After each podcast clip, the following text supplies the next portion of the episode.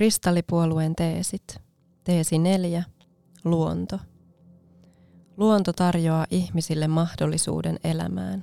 Meidän on puolustettava sitä. Suomen luontoa on suojeltava huomattavasti nykyistä paremmin. Kaivoslaki on välittömästi kirjoitettava uusiksi. Samoin pohjavetemme on suojeltava kansainvälisiltä suuryrityksiltä.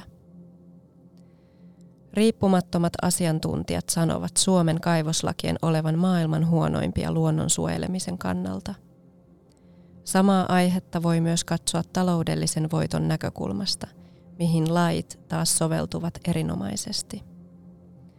Suomen pinta-alasta onkin varattu niin valtava osa kuin yksi seitsemäs osaa ulkomaalaisten kaivosyhtiöiden toimesta – me olemme jo nähneet, miten kaivosyhtiöt toimivat maailmalla ja Suomessa.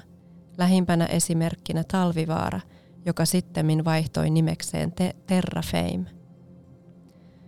Tuo yrityskokonaisuus teki luontoomme valtavia ympäristötuhoja, jotka jätettiin kansalaisten, paikallisten asukkaiden ja veronmaksajien harteille.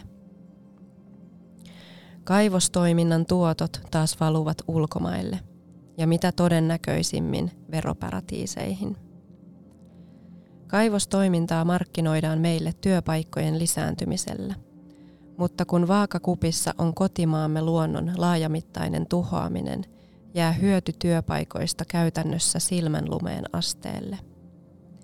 Meidän ei pidä uhrata kaunista kotimaatamme maksimaalisen voiton tavoittelun alttarille – jota ohjaa vääristynyt ja koko ajan lisäkasvua ja kulutusta vaativa talousjärjestelmämme. Talvivaaran surullisen kuuluisia jalanjälkiä toistaen on seuraava kaivosprojekti jo lähtökuopissaan, eli Kolarin kunnassa sijaitseva Hannukaisen kaivos, yritys nimeltään Hannukainen Mining Oy. Kaivosyhtiötä on arvosteltu viime aikoina myös ympäristölupahakemuksesta – Esimerkiksi Lapin elykeskuksen ympäristönsuojeluyksikkö pitää lupahakemusta puutteellisena ja ristiriitaisena. Hannukainen Mining on myös itse myöntänyt virheellisten laskelmien esittämisen. Kaivosyhtiön jätevesiä laskettaisiin Muoniojokeen, mikä ei voi olla aiheuttamatta haittaa luonnolle – meidän on kansana maa-alueiden lisäksi suojeltava myös vesistöjämme, mukaan lukien pohjavesiämme. Vaikka suuryhtiö Nestlen toimitusjohtaja on todennut, että puhtaan juomaveden ei kuuluisi olla ihmisoikeus ja että veden pitäisi olla yksityisomistuksessa, voimme olla eri mieltä asiasta ja saattaa luonnon riistäminen päätökseen. Suomeen on jo rantautunut ulkomaisomistuksessa olevia vesiyhtiöitä, jotka alkavat pumppaamaan pohjavesiämme yksityisille markkinoille myytäviksi. Koska tiedämme, että puhdas juomavesi on nykyisen yhteiskunnan toimintatavoilla maapallolla todella harvinaista joidenkin vuosien päästä, niin Suomesta pois vietävät vesimäärät voivat olla määriltään valtavia. Käytännössä se tarkoittaisi, pohjavesien pinnan korkeuden laskua, mikä olisi erittäin haitallista luonnolle, sekä se myös kuivattaisi kotitalouksien kaivot. Näin on tapahtunut jo ympäri maailmaa, esimerkkejä on lukuisia. Ratkaisuna vesipulaan onkin muuttaa yhteiskunnan toimintatapoja resurssipohjaiseksi niin, että luonnon tasapaino palautetaan.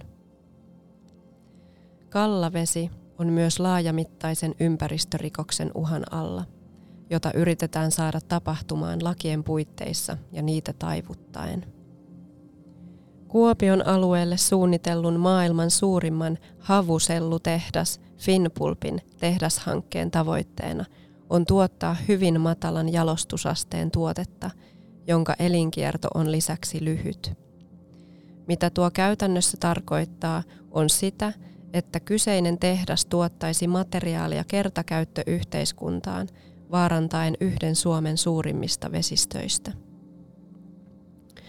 Suomi ja sen luonto ovat asioita, joiden puolesta isovanhempiemme sukupolvi teki kaikkensa, mukaan lukien sodissa.